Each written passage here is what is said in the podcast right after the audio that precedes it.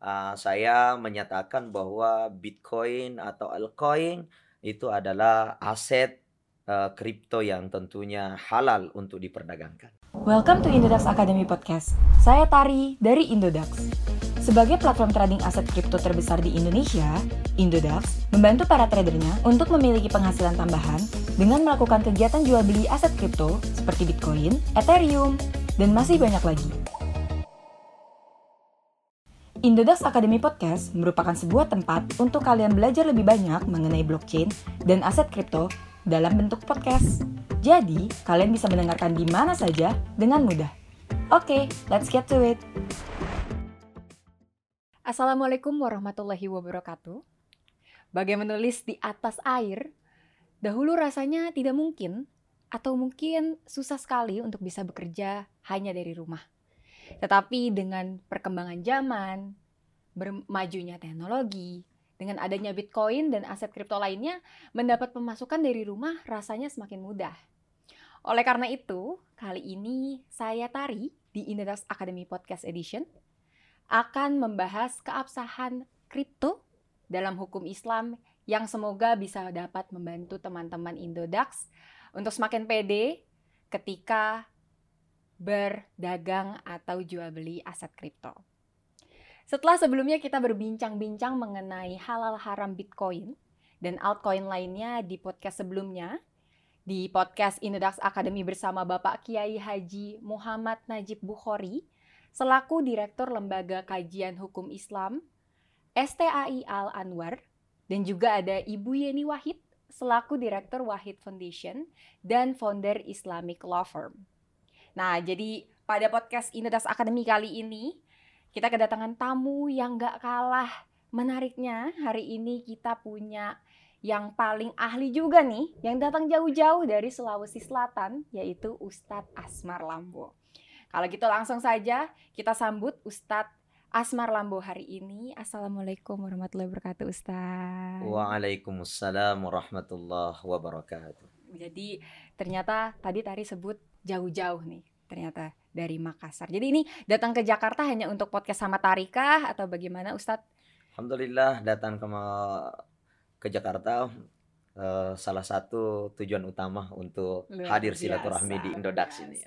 Alhamdulillah kalau gitu sehat-sehat ya Ustadz ya? Alhamdulillah sehat. Jadi hari ini kita semangat untuk cerita-cerita, bincang-bincang dari uh, pandangan Ustadz sendiri, lalu dari pandangan Islam bagaimana sih keabsahan Bitcoin dan teman-temannya ini ya Ustadz ya?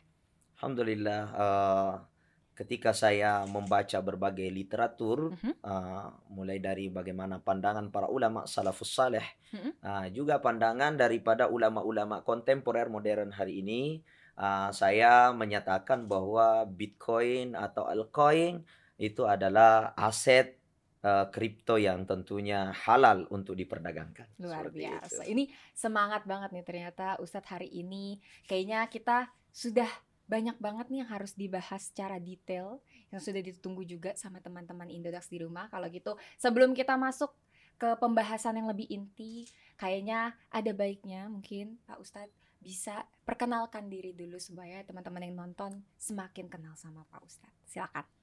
Ya, Alhamdulillah, salatu wassalamu ala rasulillah wa ba'du. Uh, saya uh, biasa dipanggil Ustadz Aslam kalau di Makassar okay. ya. Dan tetapi nama lengkap saya Ustadz Haji Asmar Lambo. Ya sehari-harinya saya uh, membina pondok pesantren di Sulawesi Selatan, uh, namanya Pondok Pesantren Al Hadi Al Islami. Uh, dan juga teman-teman uh, mengamanahkan saya untuk memimpin uh, Ikatan Dai Muda se Asia Tenggara. Uh, jadi uh, keseharian alhamdulillah selalu mengisi dakwah di berbagai majelis dan termasuk di ibu kota Jakarta. Saya termasuk pengisi di uh, beberapa stasiun TV nasional uh, sehingga dakwah-dakwah ini bisa sampai ke tengah masyarakat dan alhamdulillah pada saat ini saya ada di Indodax di Jakarta. Luar saya kira biasa. seperti itu aja. Baik, jadi ini semangatnya Pak Ustadz sepertinya sudah kita bisa masuk langsung ke pembahasan inti kita pada hari ini ya Pak Ustadz ya? Siap. Oke, kalau gitu teman-teman seperti yang kita tahu semuanya bahwa akhir-akhir ini memang pembahasan mengenai halal haram aset kripto sedang ramai diperbincangkan. Mungkin teman-teman juga ada tahu bahwa wah ada beberapa yang menganggap haram, tapi seperti Ustadz yang sebelumnya sudah datang uh, ke podcast Inedax Academy, beberapa juga masih percaya bahwa Bitcoin dan altcoin lainnya yaitu halal. Jadi kali ini langsung saja kita bahas mengenai kripto aset yang merupakan sebenarnya kenyataannya nggak bisa terbantahkan lagi ya Pak Ustadz. Ya. Ini iya. teknologi yeah. udah pasti masuk gitu ya. Jadi gimana kita bisa uh, menanggapinya aja. Tapi kalau kali ini kita mau mencari tahu nih sebenarnya pendapat Pak Ustadz mengenai hukum aset kripto sendiri jika dilihat dari kacamata Islam tuh seperti bagaimana sih Pak Ustadz? Iya, kalau kita berbicara persoalan hukum dalam Islam, tentu kita harus melihat bagaimana persoalan ini apa kita jumpai hal-hal yang mengharamkan atau hal-hal yang uh, membolehkan dari Al-Quran dan Sunnah Nabi Muhammad Sallallahu Alaihi Wasallam. Ah, nah, ketika kita berbicara persoalan uh, aset kripto, itu sejak dahulu zaman Nabi hingga zaman para sahabat radhiyallahu anhum ajmain kita tidak menemukan eh, perkara ini disebabkan karena perkara ini adalah perkara yang baru.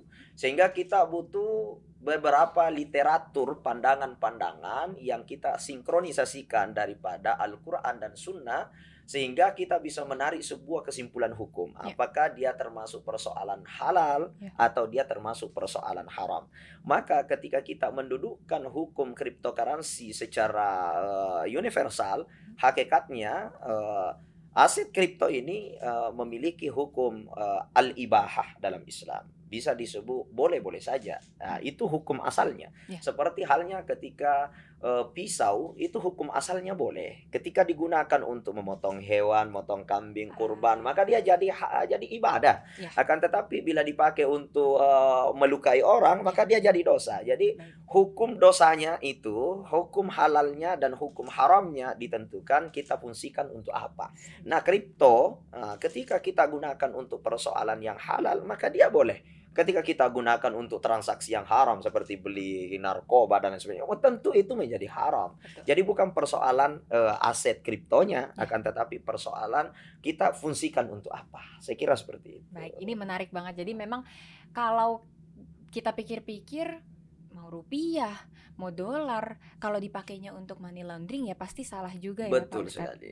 Jadi ternyata bukan aset kriptonya sendiri, Betul. Tetapi bagaimana penggunanya, pemiliknya mem memfungsikan aset kripto tersebut sebagai alat untuk apa gitu ya. Kalau ternyata teman-teman di sini tujuannya untuk wah investasi, tujuannya untuk wah mencari penghasilan tambahan atau teman-teman semua juga ingin belajar karena ini merupakan yang tadi sudah tadi sebut ya Pak Ustadz teknologi yang nggak mungkin bisa ditolak juga karena te teknologi kan pasti dinamis ya pasti akan Betul. ada terus yang terbaru. Jadi ini menarik banget tadi Pak Ustadz ada sebut kita sinkronisasikan dengan uh, yang kontemporer ini gitu Betul ya. Betul sekali. Karena kita berdasar kepada kalimat Imam Ali karramallahu wajha al insanu ibnu zaman manusia itu adalah anak zaman ya.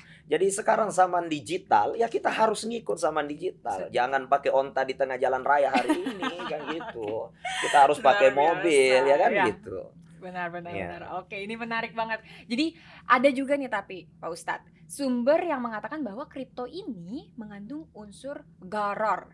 Benar ya tari itu ya? Garor. Garar betul. Ya, garor, daror dan kimar. Hmm. Nah, mungkin bisa dijelaskan Pak Ustadz terlebih dahulu terkait pengertian uh, garor, daror dan kimar tersebut. Oke. Ah, jadi ada sebahagian daripada uh, ulama kita, ulama nasional maupun ulama internasional yang menatap aset kripto ini uh, menjadi haram disebabkan karena ada tiga hal yang tidak terpenuhi. Baik. Seperti yang Tari sebut tadi, di dalamnya mengandung garar, uh, kemudian mengandung karar, kemudian yang ketiga mengandung kimar. Nah, ketika kita meniti ketiga perkara yang menyebabkan ini haram, menurut pandangan sebahagian daripada ulama kita, uh, saya bisa memberikan sebuah penjelasan seperti ini Uh, pertama kita lihat apa itu Garar. Ya. Okay. Garar itu bahasa Arab yang artinya meragukan atau tidak jelas. Oke. Okay. Ya. Jadi ketika kita mengatakan uh, aset kripto itu garar tidak jelas, maka kita harus melihat di mana letak ketidakjelasannya. Kan seperti itu. Nah, ketika kita mengatakan tidak jelas, apanya yang tidak jelas? Sedangkan ketika kita melihat aset kripto itu diperdagangkan sangat jelas bagaimana sell dan buy-nya, bagaimana terjadi penjualan, bagaimana terjadi pembelian, bagaimana ketika kita melakukan pembelian, melakukan penjualannya, yang biasa kita sebut dengan trading gitu. Uh, semua sangat jelas di dalamnya. Kemudian uh, keluar masuknya dari semua exchange yang ada pasti akan terbaca di dalam uh, buku satu uh, buku catatan yeah. yang mencatat semua transaksi yang disebut dengan blockchain. Nah, blockchain ini adalah buku yang telah mencatat semua jenis transaksi, bagaimana keluar, bagaimana masuk uh, Bitcoin, Ethereum, atau aset-aset uh, kripto yang lain.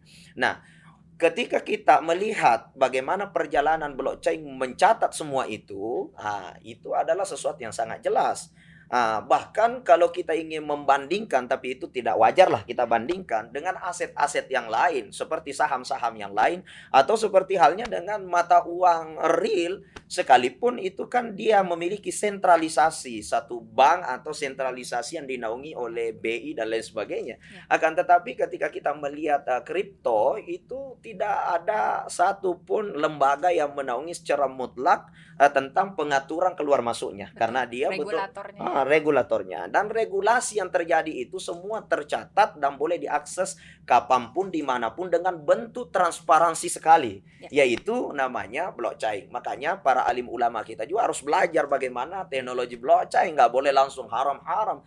Menentukan suatu yang haram butuh dalil yang uh, nas pasti mengharamkan perkara itu. Kalau kita tidak menemukan hal itu, itu berbahaya. Mengharamkan sesuatu yang dihalalkan oleh Allah, itu juga menjadi dosa besar bagi kita.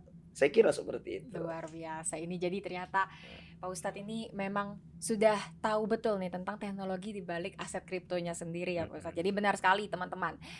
Rata-rata nih ya Pak Ustadz, orang ngedenger Bitcoin belum tentu tahu blockchainnya Betul. Gitu. Jadi ternyata memang Bitcoin ini adalah salah satu aset yang bergerak di atas sistem blockchain yang mana semua orang yang memiliki aset uh, akses internet atau device-nya bisa mencari tahu tentang transaksi tersebut di hmm. atas sistem blockchain. Jadi yang pasti semuanya tercatat, nggak nggak ada sebutan kayak wah nggak jelas nih, ini siapa yang punya Bitcoin nih Satoshi Nakamoto punya siapa nih nggak jelas nih. Ternyata nggak seperti itu. Ternyata semua transaksinya itu ada di buku besar atau ledger yang terdapat di atas sistem blockchain. Jadi harapannya teman-teman di sini semakin tahu ya. Jadi bahwa nggak cuman sembarang oh beli bitcoin jual bitcoin ternyata memang ada satu teknologi di belakangnya yang membacking itu di mana uh, yaitu disebut blockchain tadi ya Pak Ustadz. Oke. Jadi uh, kalau di Indonesia nih Pak Ustadz memang semua juga rata-rata sudah tahu bahwa di Indonesia tidak bisa jual beli atau menggunakan mata uang lain mm-hmm. selain menggunakan rupiah. Yang mana memang di Indonesia itu memiliki Bitcoin ya harus beli pakai rupiah dulu juga gitu kan ya Pak Ustadz. Tapi uh, ini sebut uh, penyebutannya tadi nggak tahu ini salah apa betul silah.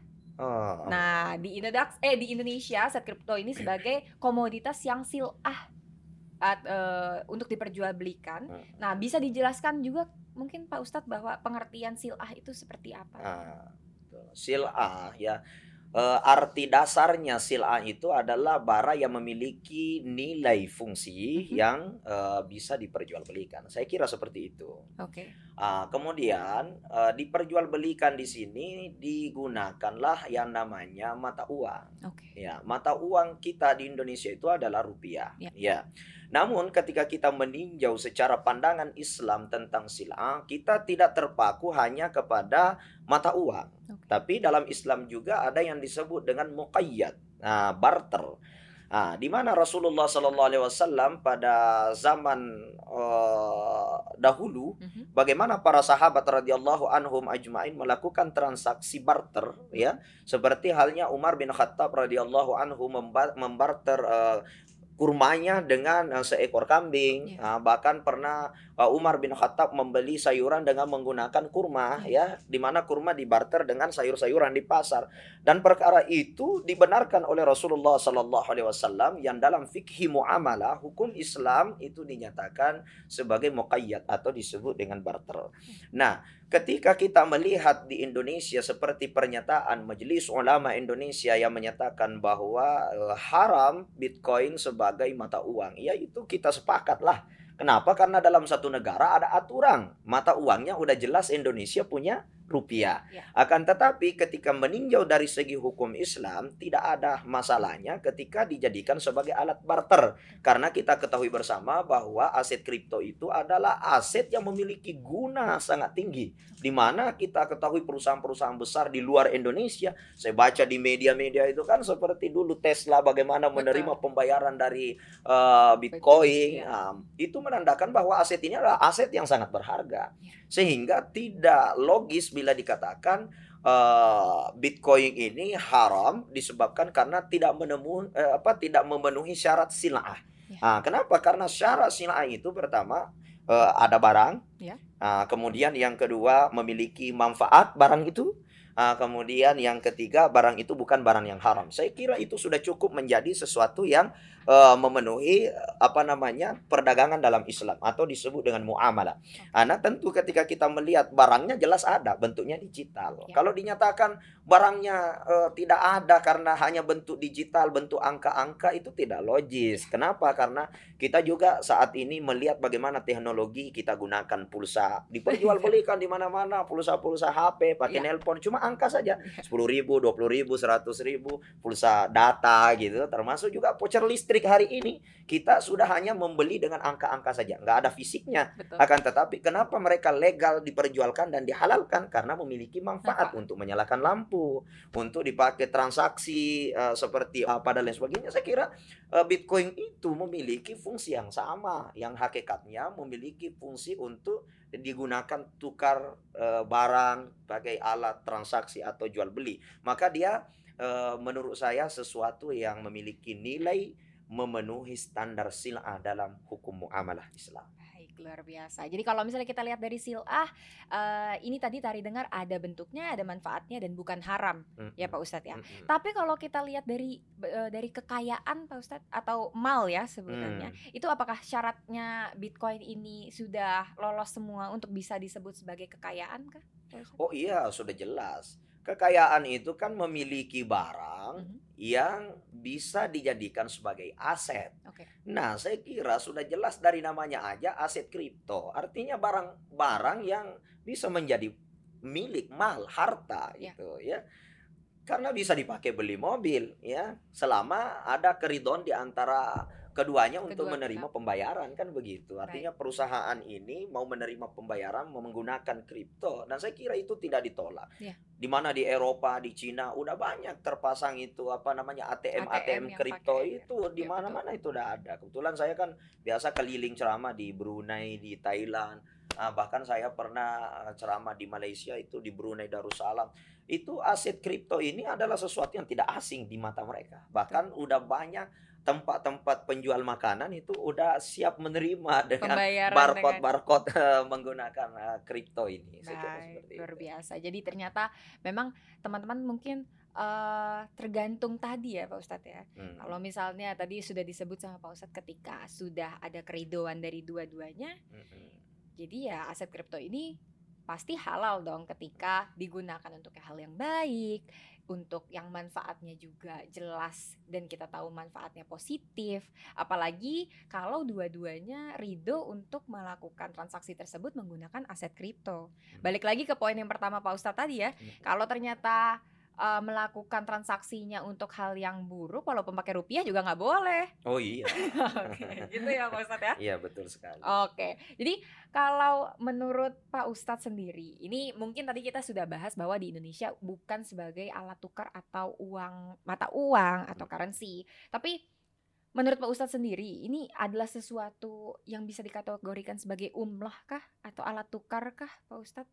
Jadi kalau mungkin kita bisa lihat ya apa sih syaratnya supaya Bitcoin ini bisa dikategorikan sebagai umlah atau alat tukar? Iya.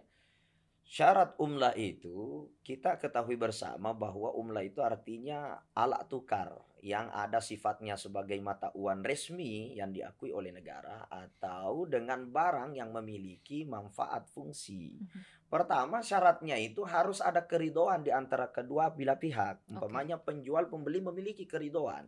Jadi kalau duanya tidak ada yang merasa dizolimi maka itu sudah syarat yang pertama. Okay. Kemudian yang kedua barang itu yang digunakan sebagai alat tukar bukan barang yang haram. Okay. Ya bukan barang yang haram. Nah di sini perlu saya sampaikan bahwa menentukan halal dan haram itu uh, di dalam fikih muamalah itu kita ketahui ada namanya haram lizati, ada namanya haram ligairi. Nah, itu dalam Islam seperti okay. itu. Haram lizatihi artinya memang dari zatnya haram. Seperti halnya dengan memakan daging babi. Okay. Itu dalam Islam memang dia haram. Ya, innamal hamru wal maisir wal Memang dia sudah diharamkan secara mutlak disebut haram lizati. Haram secara zatnya. Nah, ada namanya haramul ligairi. Nah, haram karena ada yang mempengaruhi dari luar. Seperti halnya dengan baca Quran, itu ibadah halal. Tapi kalau baca Quran dalam WC kan jadi haram. Okay. Nah, seperti halnya dengan uh, makan nasi itu halal. Tapi kalau makan nasi sampai satu ember itu kan jadi, jadi haram, haram gitu. Yeah. Jadi dia bukan haram karena zatnya, tapi ada hal yang mempengaruhi. Dan saya melihat pandangan yang menuju kepada aset kripto itu uh, adanya orang yang mengatakan haram itu arah-arahnya dinamanya haramul gairi haram disebabkan karena adanya yang mempengaruhi. Maksudnya aset kripto ini dasarnya adalah halal. Tidak ada unsur haram secara mutlak di dalamnya. Ya. Cuman ketika digunakan dalam transaksi yang diharamkan oleh Allah, maka dia jadi haram. Ya. Digunakan dalam transaksi yang dibolehkan oleh Allah, ah, maka itu jadi boleh-boleh saja. Jadi sebenarnya asal hukum daripada Eh, kripto itu bisa dikatakan sebagai alat tukar itu semua sudah terpenuhi tidak ada sedikit pun yang cacat di dalamnya menurut pandangan Islam ketika kita melihat beberapa literatur dari uh, mazhab-mazhab Islam ya pandangan-pandangan ulama-ulama uh, fikih dalam Islam. Saya kira Baik. seperti itu. Jadi sebenarnya tadi Tari mau nanya juga sih bagaimana status uh, hukum aset kripto secara fikih Islam. Itu termasuk barusan ya, Pak nah, Betul Jadi ternyata memang ya kalau misalnya teman-teman di sini uh, mendengarkan juga tadi ada haram lizati ada haram dan haram mul mugoiri. Uh, ada namanya haramul ligoiri. Ha haramul ligoiri. Ligoiri. Nah jadi kalau misalnya yang dari tadi sebenarnya udah kita bahas ya. Uh -uh. Kalau misalnya teman-teman menggunakan uh, makan nasi satu ember, itu tujuannya untuk buang-buang makanan, bukan cuma untuk mengenyangkan, ya itu sama aja teman-teman. Itu jadinya haram juga. Begitu juga dengan aset kripto. Baik, Pak Ustadz. Jadi kalau untuk uh, melihat fenomena kripto sendiri dari tadi kita udah bilang bahwa ini teknologi uh, ombak yang nggak bisa kita tahan yang ada kita cuma bisa menyesuaikan diri kita. Kalau dari Pak Ustadz sendiri apa sih yang sebaiknya kita lakukan buat teman-teman Indodax juga selain para ustadz-ustadz tadi? Jangan sembarangan bilang haram. Tapi kalau misalnya untuk teman-teman Indodax nih kira-kira yang pas ini untuk lakukan apa ya Pak Ustadz? Uh, uh jadi uh, pertama kalau uh, pesan-pesan dari saya tentang hal itu, kita pertama-tama menghargai pandangan para alim ulama kita. Namanya saling menghormati adalah perintah dalam agama Islam dan saya kira itu adalah manusiawi bagi kita semua. Ya. Ketika ada orang yang mengeluarkan sebuah paham bahwa perkara ini haram, maka itu kita hargai ketika dia mengharamkan. Ya. Yang tidak benar itu bila ia mencegah orang untuk melakukan disebabkan dengan pandangan haramnya itu uh, tidak mutlak ia mampu pertanggungjawabkan keharamannya. Yeah. Nah, ini yang jadi masalah. Yeah. Karena ketika kita mengeluarkan bahwa ini haram, kita harus mampu membuktikan ya. dalilnya yang mana, hmm. letak haramnya di mana, apa penyebabnya sehingga dikatakan haram. Bila ya. itu tidak mampu kita buktikan, oh itu namanya mengeluarkan pandangan yang mengada-ngada gitu. Itu jadi ngedoktrin iya, gitu ya. ngedoktrin namanya. Jadi pertama kita tetap menghargai pandangan mereka, hmm. kemudian yang kedua terus menggunakan aset kripto karena inilah zamannya. Mantap. Ya al insanu ibnu zaman, manusia adalah anak zaman di mana kita tidak bisa meninggalkan zaman, akan tetapi bagaimana kita menjadikan zaman itu kita seiringan berjalan selama tidak melanggar kaidah-kaidah haram halal di dalamnya kita bisa perhatikan oh ini halal ini haram. Uh, kemudian kita tetap berjalan dengan uh, adanya perkembangan-perkembangan teknologi itu sendiri.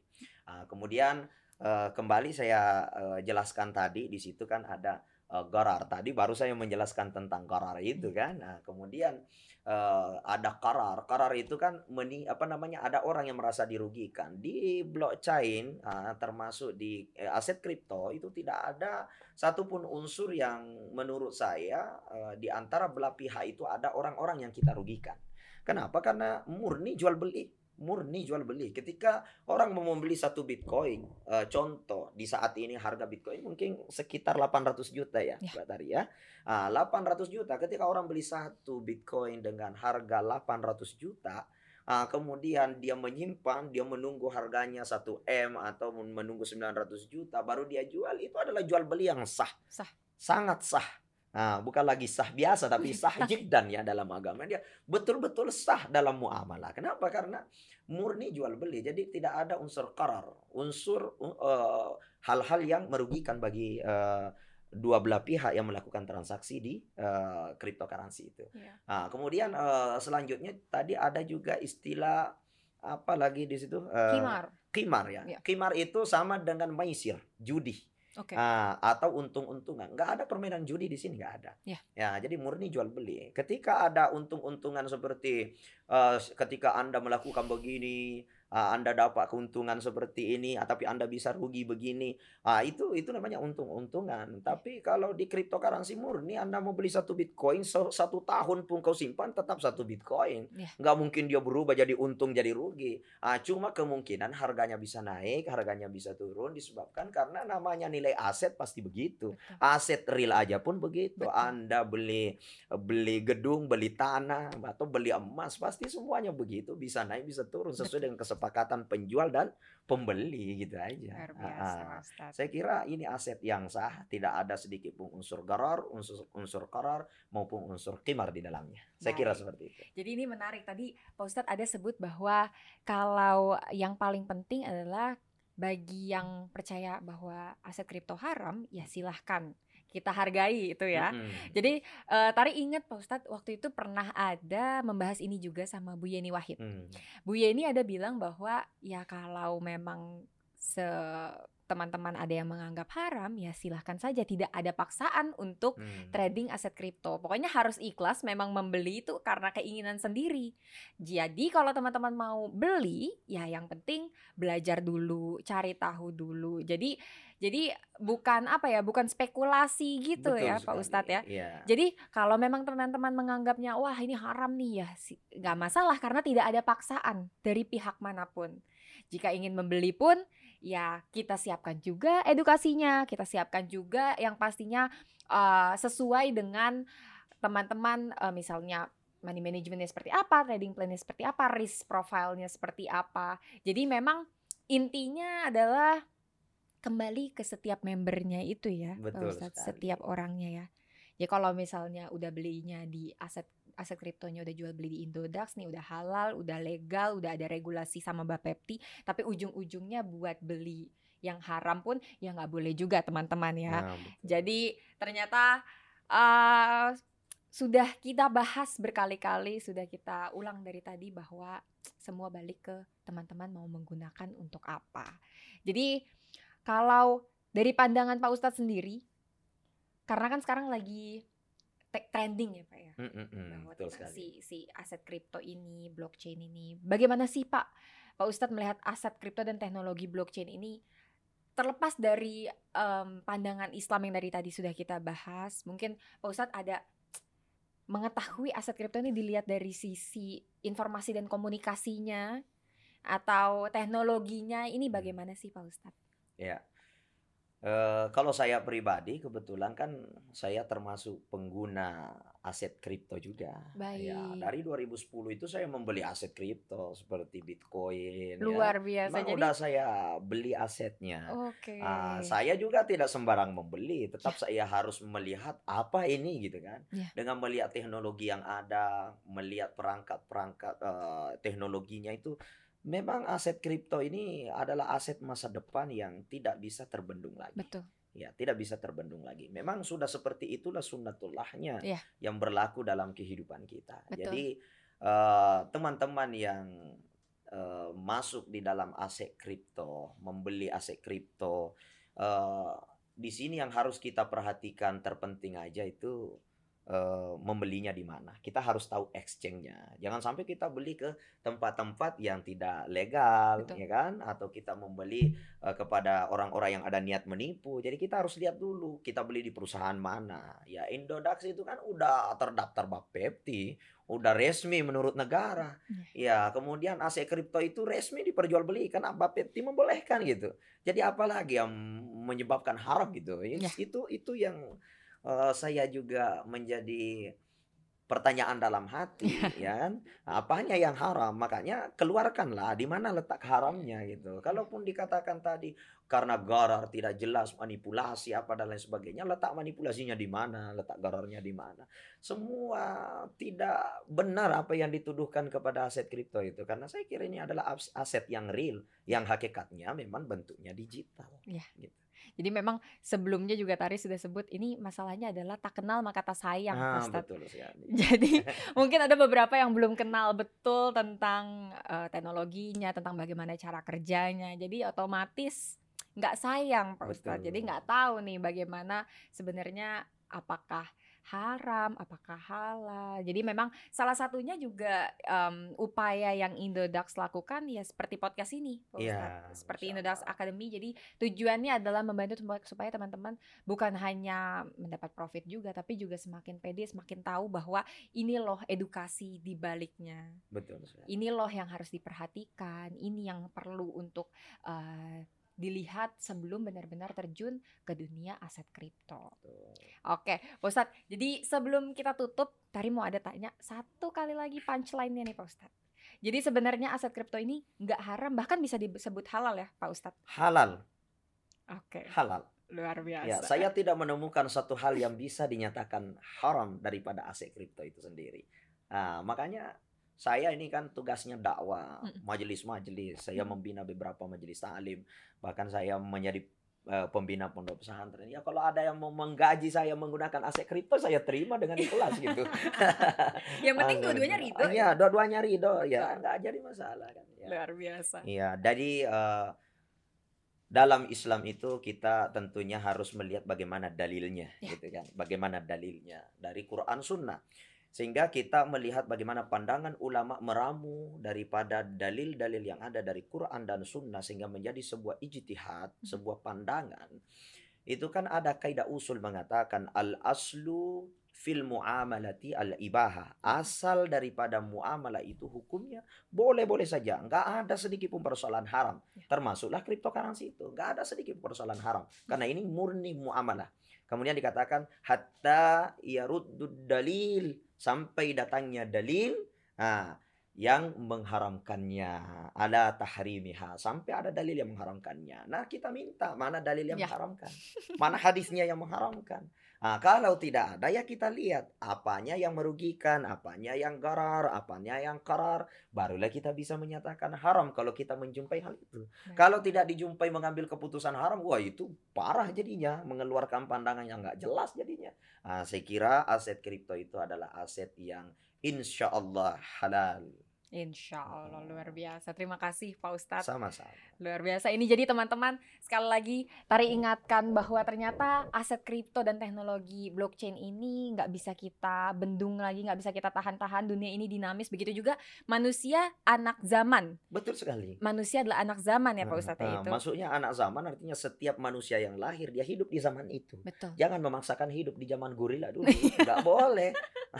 jadi harus dinamis ya harus Pak Ustadz. Jadi kalau misalnya ternyata sekarang udah zamannya Bitcoin, zamannya Ethereum, zamannya blockchain, bukan kita malah jadi menentang, tapi malah kita pelajari, kita cari tahu, kita uh, pelajari dulu ini sebenarnya gimana ini sebenarnya apa. Jadi memang tugas kita sekarang adalah cari tahu sebanyak-banyaknya pelajari dulu sebanyak-banyaknya. Bagi yang belum pede mungkin itu adalah pertama tugasnya cari tahu dulu belajar dulu. Tapi jika yang sudah pede jangan digunakan untuk yang tidak-tidak. Betul. Begitu ya Pak Ustadz ya? Betul sekali. Jadi kalau udah tahu, udah bener nih mainnya, udah pede, udah oke okay, ini halal, jangan digunakan untuk yang macam-macam juga teman-teman ya. Jadi mungkin nggak kerasa nih Pak Ustadz kita udah bincang-bincang lumayan lama. Terima kasih banyak Oke, Pak Ustadz yang udah memberikan ilmu, memberikan insight bagaimana sebenarnya aset kripto di kacamata Islam. Ustadz sendiri kalau misalnya teman-teman Indodax ini uh, minta lagi Pak Ustadz untuk datang ke Indodax, boleh dong ya? Oh, dengan senang hati. Jangan kapok ya. Masya Allah. Iya. Okay. Tanpa diminta pun saya tetap menggunakan Indodax. Luar iya, biasa. Iya, karena saya merasa aset-aset kripto itu adalah aset masa depan. Mantap. Serius ini aset masa depan. Iya. Luar biasa. Oke, nggak kerasa kita sudah sampai di penghujung acara. Sekian bincang-bincang kita pada kali ini.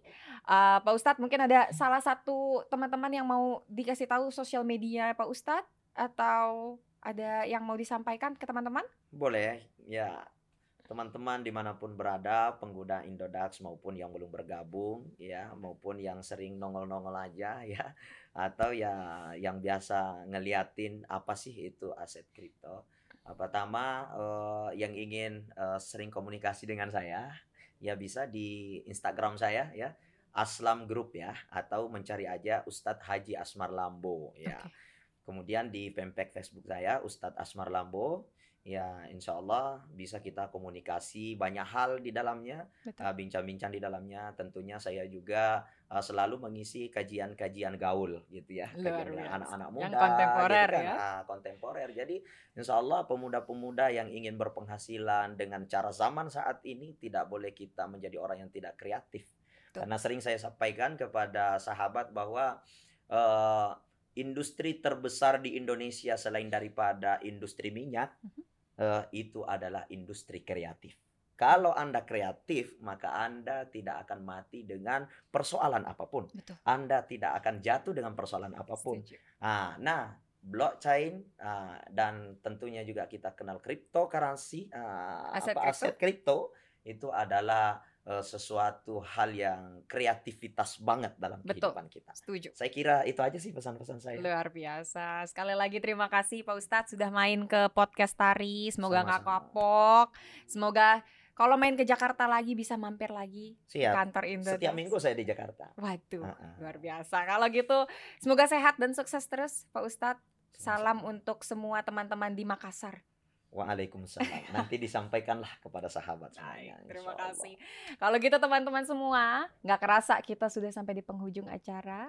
Kalau misalnya teman-teman masih ada yang ingin dipertanyakan, teman-teman bisa kasih pertanyaannya di sosial media Indodax, semuanya at Indodax. Dan teman-teman juga bisa mengunjungi website indodax.academy untuk edukasi lebih lanjut mengenai blockchain dan aset kripto. Tari pamit undur diri. Wassalamualaikum warahmatullahi wabarakatuh.